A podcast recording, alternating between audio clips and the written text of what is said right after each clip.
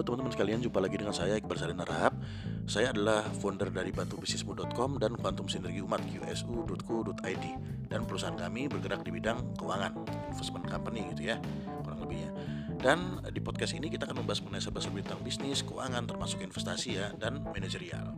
Dan kami juga punya channel YouTube yang namanya Bantu Bisnismu. Di channel YouTube tadi sama seperti di channel podcast ini, kita juga akan membahas mengenai tentang bisnis, keuangan termasuk investasi dan manajerial. Dan di episode kali ini kita akan membahas tentang apa sih itu operating company dan apa itu investment company. E, secara umum, e, bisnis yang banyak beredar di masyarakat adalah model bisnis operating company. Jadi operating company ini adalah bisnis yang di mana langsung terjun ya memproduksi barang atau jasa, misalnya manufaktur, retail, fotografi dan lain-lainnya ya.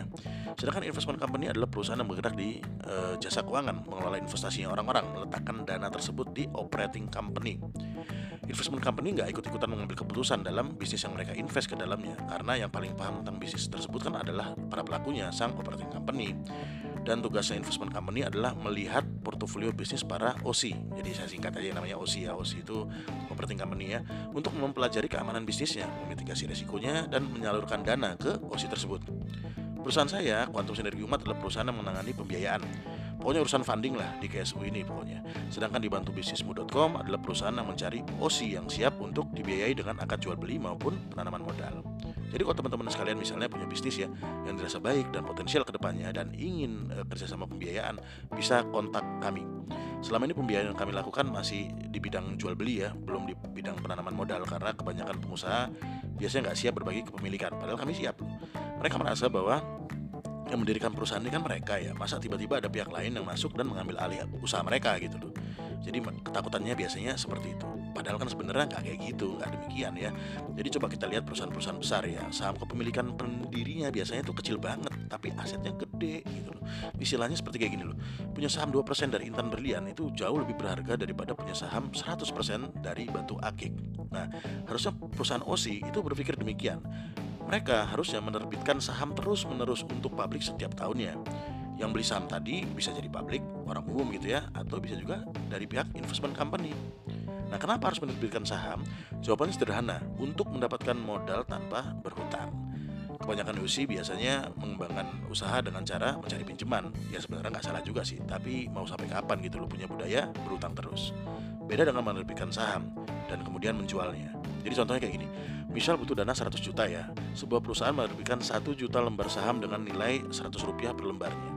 Dan pihak yang membeli saham tadi ya otomatis memiliki e, saham atau memiliki kepemilikan di perusahaan tersebut. Dan ya tadi karena kepemilikan jadi ini bukan hutang teman-teman jadi ini penanaman modal keterlibatan di usaha tersebut eh, sebagai penanaman modal penanam modal gitu ya. Jadi bukannya mengambil keputusan.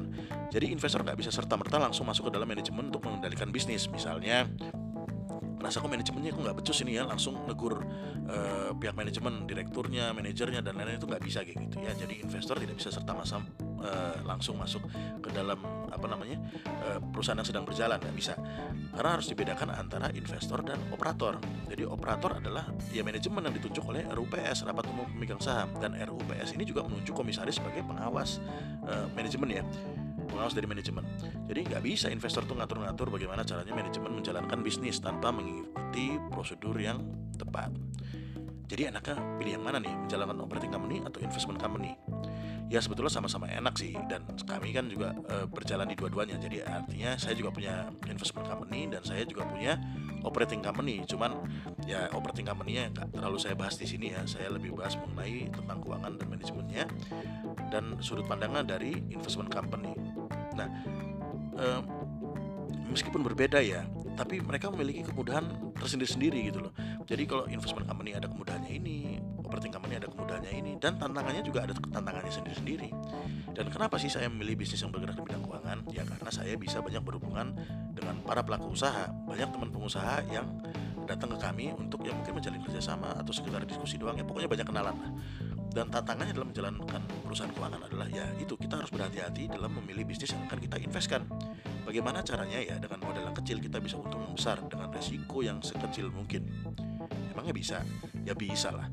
Tapi ya kayak gitu deh. Mungkin satu atau dua bisnis dari 100 penawaran bisnis yang masuk itu yang bisa kami terima. Karena hampir semua bisnis yang ditawarkan itu belum benar-benar siap sebetulnya sih atau pebisnisnya yang mungkin belum begitu paham tentang bisnisnya. Jadi resikonya masih terlalu tinggi dan kami tidak berani mengambil uh, bisnis menawarkan bagi hasil yang besar dengan resiko yang besar. Kami lebih mengutamakan keamanan, aman dan bagi hasil yang besar. Nah, hanya orang-orang yang mengerti bagaimana caranya mengelola resiko yang berani menawarkan kerjasama seperti itu teman-teman sekalian ya. Jadi hanya orang-orang yang paham tentang bisnisnya dan mereka tahu biasanya mau dibawa ke mana bisnis mereka itu itu bisa uh, apa namanya memberikan penawaran yang sangat menarik. Jadi kalau bisa ditanya, emang ada bisnis yang bagi hasilnya besar tapi resikonya kecil? Ya ada. Cuman ya tadi harus benar-benar dicari. Dan dalam menemukan bisnis seperti itu memang butuh seni dan ilmu tersendiri yang mungkin bisa saya share di lain waktu ya nggak pada kesempatan kali ini. Jadi gitu teman-teman sekalian antara perbedaan investment company dan operating company. Uh, sementara mungkin itu dulu ya. Semoga apa yang saya sampaikan sedikit ini bisa menambah uh, wawasan uh, kepada kawan-kawan terutama buat saya pribadi. Dan saya juga minta maaf kalau misalnya ada kata-kata saya yang salah atau goyonya mungkin kelewatan. Dan oh ya kalau teman-teman sekalian ingin berbagi pengalaman juga boleh loh.